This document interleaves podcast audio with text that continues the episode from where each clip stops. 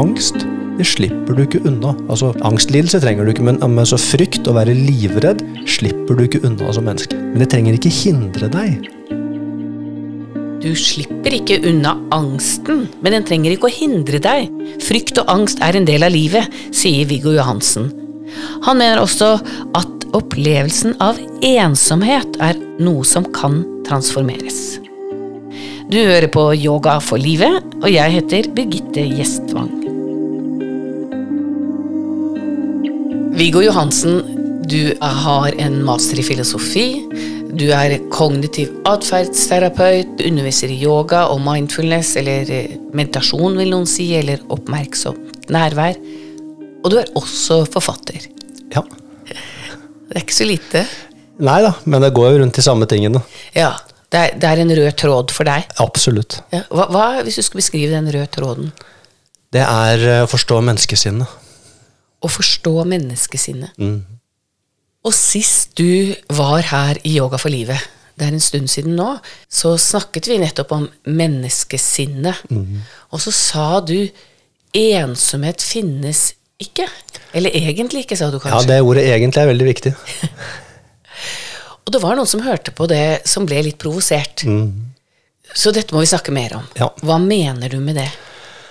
Uh, Jeg prøver jo egentlig å Altså å gi håp istedenfor å provosere. Å gi håp? Ja, Hvis jeg hadde sagt 'ensomhet finnes ikke', så er det veldig provoserende. For det ensomhet fins selvfølgelig, og er jo veldig smertefullt. Og er i dag et stort problem, faktisk. Altså, Vi er flere folk på planeten enn noen gang, og vi er mer ensomme enn noen gang. Men når jeg sier ensomhet fins egentlig ikke, så er det en påstand om menneskenaturen, som prøver å si at altså, hvis du går helt inn i deg selv, og da må du jo forbi egentlig kropp og sinn til det som kalles altså spirit eller ånd eller bevissthet. Så vil si at i det skal si, laget av mennesket, så fins ikke ensomhet. Så det er jo egentlig en metafysisk påstand, som eh, Og den har vært utrolig viktig i mitt eget liv. Ja, på hvilken måte? Altså, jeg, jeg ble buddhistmunk i ung alder, og det var jo i stor grad av eksistensiell ensomhet. Jeg var jo ikke ensom. Jeg har jo alltid hatt en uh, veldig fin familie rundt meg, og venner og, og sånt. Men jeg husker jeg har vært på Pink Floyd-konsert på Valle Hovin, og sto da i et folkehav, jeg vet ikke hvor mange det var der, men det var mange, og var dønn ensom. Så du nøt ikke den konserten? Nei, jeg var, jeg var helt alene. Og jeg trodde det var menneskets lodd. Så når jeg da også leste eksistensfilosofi, altså med dypest sett, så er vi ensomme i en meningsløs verden. Så ga jo det en gjenklang i meg, og det er jo en form for poesi i det, men det er jo også et La oss si, hvis det er sånn, da, så, så er vi jo dypest sett ensomme. Og så kan vi komme ut av den ensomheten en gang iblant når vi, ja, når vi kommer sammen og har det gøy, og vi glemmer egentlig vår ensomhet i aktivitetene. Men så fort det blir stille, så er vi tilbake til grunntilstanden vår, som er ensom. Ja, for det, det du snakker om nå, er eksistensialismen. Ja. Og, og, og den filosofiske retningen er jo opptatt av nettopp det du sier nå, at vi er ensomme, men, men de tilføyer òg at vi trenger en hånd. Vi trenger å være i relasjon, men at vi er ansvarlige for å skape mening. Ja, det er akkurat det. Og det er én måte å se mennesker på. Men så sier de i yogatradisjonen Yogas chitta vritti niroda. Så yoga, det er når alle de mentale modifikasjonene stilner. Og oversatt til folkelig norsk yoga, det er når det blir stille i huet. Og så neste, neste vers. Og da, altså når det blir stille i huet, da viser seeren seg, eller selvet seg, i sin sanne natur. Da ser du hvem du er.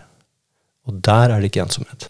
Jeg, jeg, jeg sitter sånn og ten- altså, Mitt sinn er ikke rolig nå. Jeg tenker så det knaker når du snakker. Fordi, og, og prøver å forstå. Fordi, altså, hva var det du sa? Yoga er jo når det blir stille i huet, var det det du sa? Og det å kjenne den tankekverna som mange av oss gjør, og det kan være på natten, det kan være når vi absolutt trenger å hvile, Og, og for noen er det virkelig et, et levende mareritt. Absolutt. At det ja, og blir angstfylt eller depressivt. Ja, forferdelig. Og, og så finnes det de også som da i tillegg sliter med at de ikke har venner, kanskje ingen partnere, og sitter i sin leilighet og føler seg ensomme. Og da blir jo din påstand rimelig absurd. Ja, for, for de fleste regner jeg med, men for noen så kan det være en peker.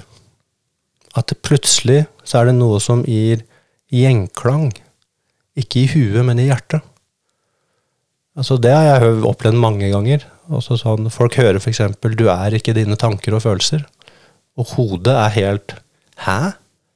Men et eller annet annet sted litt dypere så er det bare noe som gjenkjenner den setningen. Og så begynner en reise. Og jeg tror jeg sier ensomhet fins egentlig ikke, for dypest sett i deg så er du forbundet til all annen eksistens.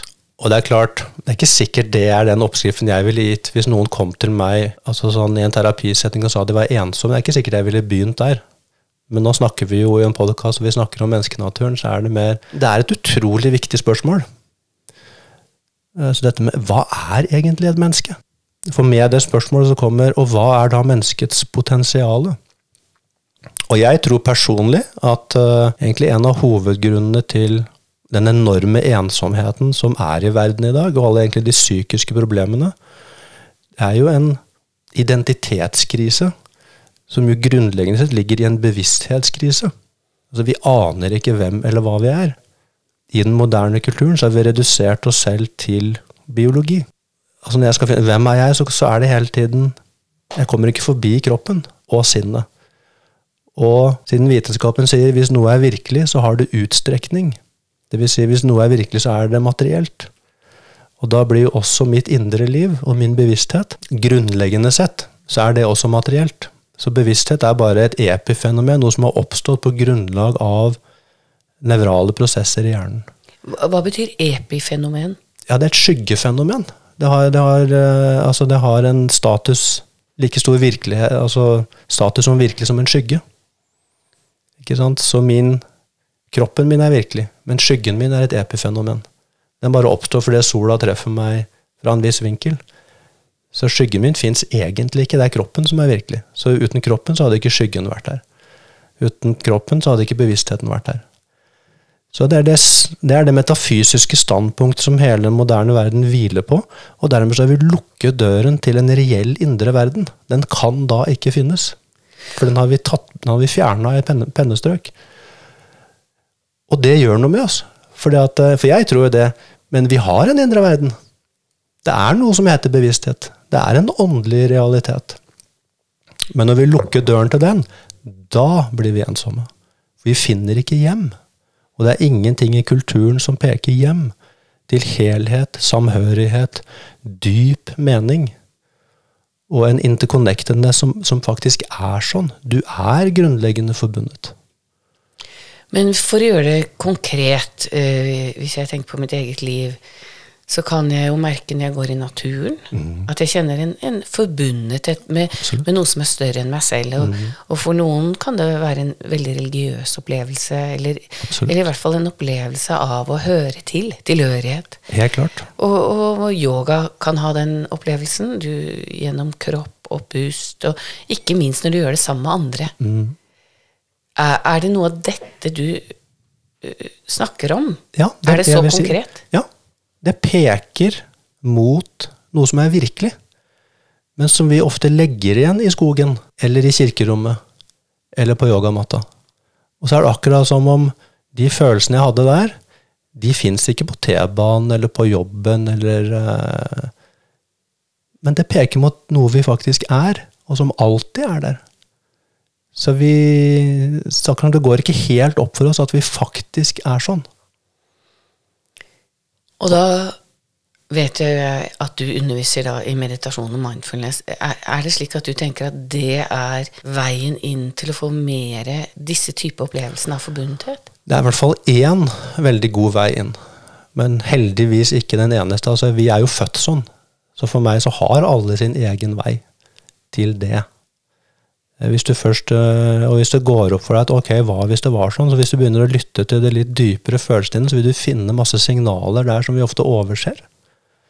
Men øh, jeg vil jo si at altså naturen vil jeg jo tenke at det er veldig mange som jeg tror har det som sitt rom, f.eks. Så det er ikke alle som skal sitte på en pute og meditere. Men meditasjon er jo på en måte designet for den type refleksjon. For at du, du setter jo kroppen din helt stille, den slapper av og, og, er stille. Så det er ikke noe bevegelse der. Og med litt trening så vil jeg si at sinnet ditt også begynner å falle til ro.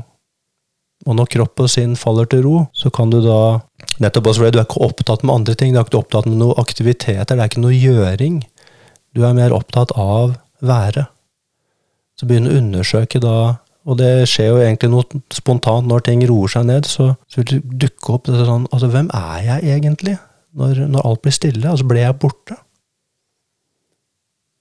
Nei, du blir ikke borte. På en måte så vil du kjenne at du er mer egentlig enn noen gang. Så det er noe i oss som uh, som bare er. Og som er helt fullt. Og hvor ikke du savner noen ting. Og det er ikke en navlebeskuende, sånn egoistisk greie. Det går forbi det.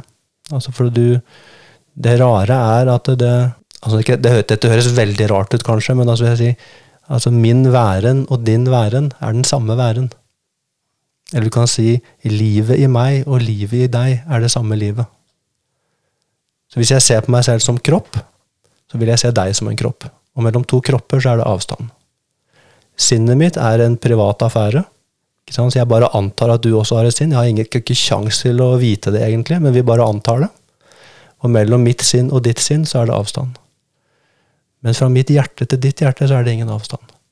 Men det er lukket for oss hvis jeg hele tiden holder på med kroppen og sinnet. Så så lenge jeg er lukket inn i det rommet, så er jeg ensom. Altså Det rommet er et avstandsrom. Hjerterommet er et, altså et rom av forening. Og jeg påstår dette vet vi om alle sammen. Vi har disse følelsene, vi har disse glimtene. Men de får ikke plass i oss, for det er ingenting i kulturen som bekrefter det. Alt bekrefter avstand, prestasjon, fremoverrettethet.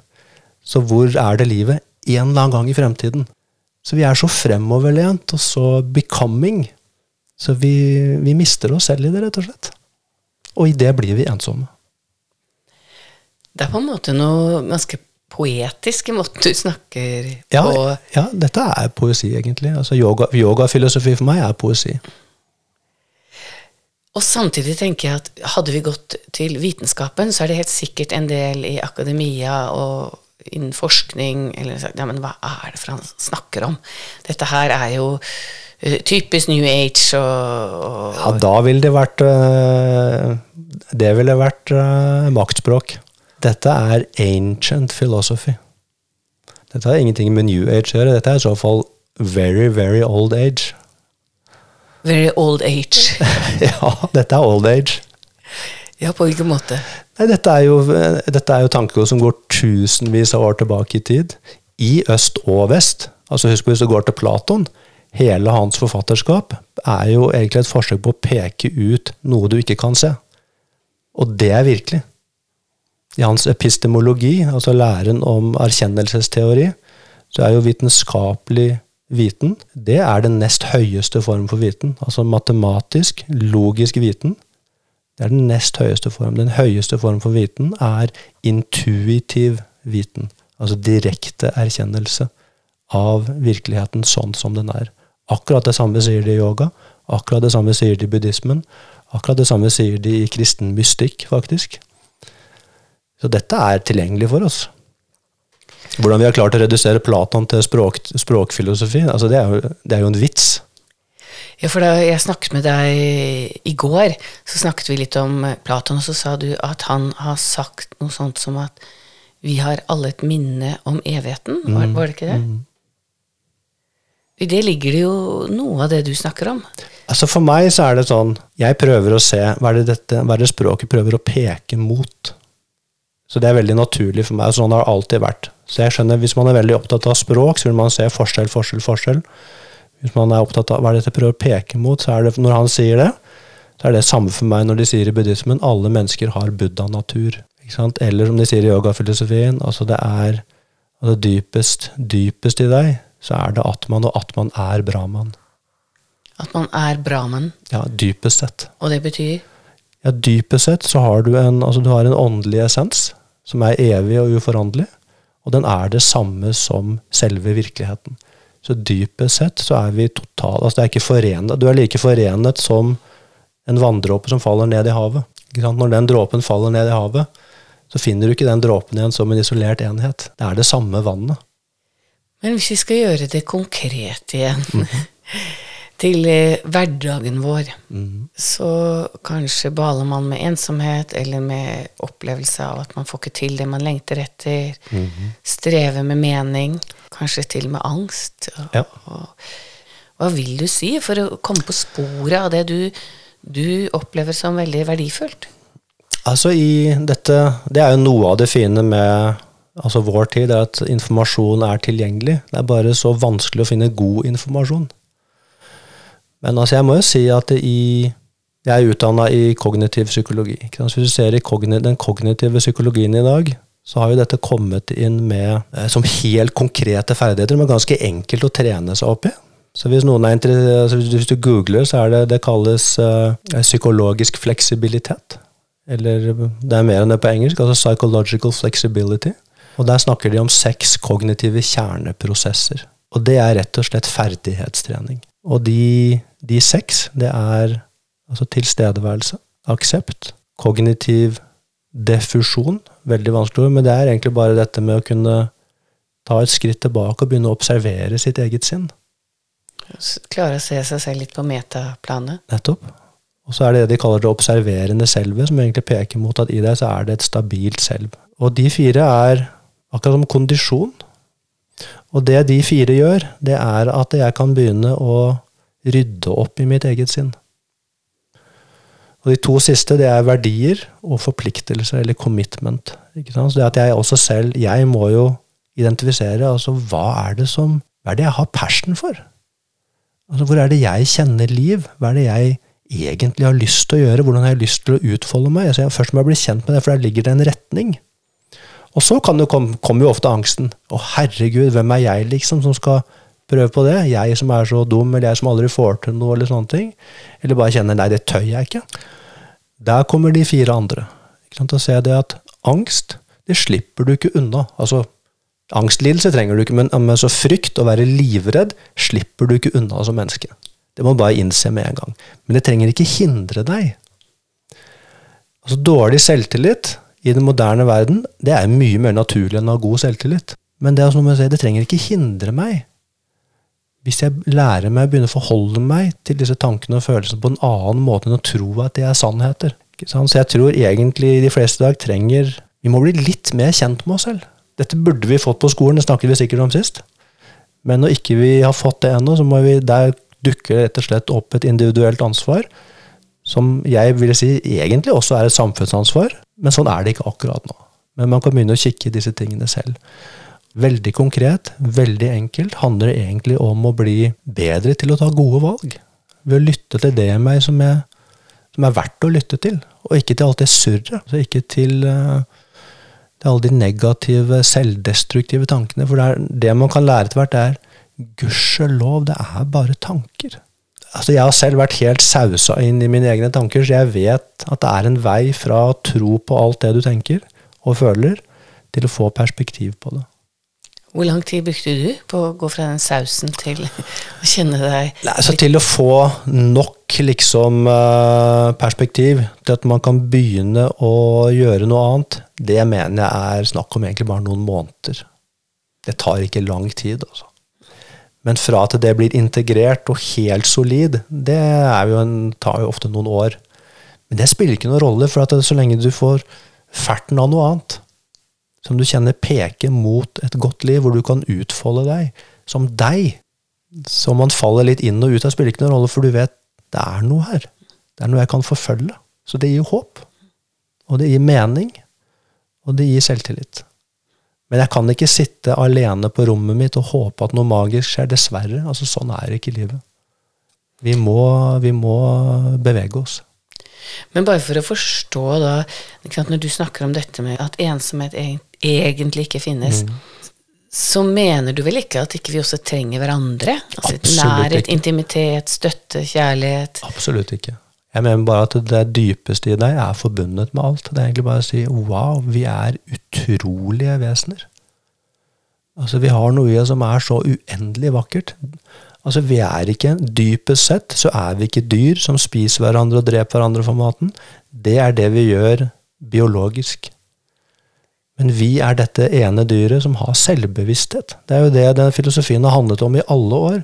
Altså, mennesket er dette dyret som har fornuft. Men når vi hører fornuft, så tenker vi på evne til å tenke, men altså fornuften peker egentlig på åndsevnene våre. Det er noe som går forbi kropp og syke, som er unikt menneskelig. Det er det som gjør oss til mennesker. Og det som skjer når du toucher det i deg selv, er at det forløser kjærlighetskraften din. Så relasjon, det er, det er ingenting som er bedre for relasjoner enn å gå dypt inn i seg selv. For der ligger ressursene dine. Du, du, sier jo på en måte at vi mennesker ikke lever ut, eller mange av oss, da, vårt potensial. Definitivt. Ja, det er helt klart. Vi har et enormt potensial som ikke er Altså, det er ikke gjenkjent i den moderne kulturen. Det blir ikke speila av si, populærkulturen. Den speiler bare altså det som er skin deep. Hva betyr det? Ja, Egentlig det du ser i speilet. Ikke sant? Your appearance. Og da får du et vanskelig liv. Hvis du prøver å leve fra, fra appearance det, det, går ikke bra, det. Altså Hvis jeg definerer meg selv i henhold til hvordan jeg ser ut, og hva jeg får til, og hva jeg presterer, og hvor smart jeg er, og hvor flink jeg er, så har jeg ikke noe selvverdi. Da legger jeg egentlig verdien av meg selv utenfor meg selv. Og det er veldig strevsomt. Så da blir jeg selvfølgelig veldig travel på å holde meg oppe, og holde alt på plass, egentlig. Men det er klart alt endrer seg hele tiden, så det er et umulig prosjekt. Jeg må finne det meg som er stabilt, og det er tilfeldigvis meg selv. Men Viggo Johansen, altså, du er veldig velformulert, du har høy utdanning, underviser i yoga, mindfulness, og har da meditert. Du har et sammenheng mellom liv og lære, for å si det sånn. Mm. Men har du også dine stunder hvor ting blir svart og mørkt? Altså, jeg må jeg skal svare helt ærlig på det spørsmålet, og det skal jeg jo. Så er det lenge siden. Men jeg, jeg vet om hvor, altså hvor mørkt et menneskeliv kan være. For du har opplevd det? Altså, jeg, det lå ikke i min legning egentlig å ta livet av meg. Men livet var så meningsløst at jeg like gjerne kunne ha gjort det. Men altså, det var ikke Så den dyve Altså, du vet det å bli buddhistmunk når du er 21, du gjør ikke det fordi du er superhappy. Du gjør det fordi du er tvunget til å søke et annet sted. Så ja, den, for du var faktisk buddhistmunk du i fire år ja. av ditt liv. Ja. Så det er jo den uh, altså Jeg vil si at det er en altså en sjelelig smerte, rett og slett, som gjør at man altså Jeg ble tvunget til å søke. Men, uh, men jeg må si i dag så er jeg utrolig glad for det. Så altså, det er derfor også jeg Og det er jeg utrolig glad for det også, for det betyr Jeg føler at jeg kan snakke med folk som er i sumpa. For jeg been there, done that. Men jeg vet også det er en vei ut av den sumpa. Og den muligheten ligger der for alle. For det ligger i menneskenaturen. Det lå ikke bare i det lå ikke i meg å komme ut av sumpa, det ligger i menneskenaturen å komme ut av sumpa. Så det er jo for meg så at vi dypest sett så finnes ikke ensomhet for oss. Det er the ultimate good news. Og virkelig ikke ment å provosere. Altså jeg sier ikke til folk som er ensomme, du er egentlig ikke ensom. Det, det er veldig respektløst. Det ville jeg aldri sagt, selvfølgelig. Men jeg prøver å peke på noe som går dypere enn det. Som vi alle er i besittelse av, og som vi kan komme i kontakt med og som er helt gratis.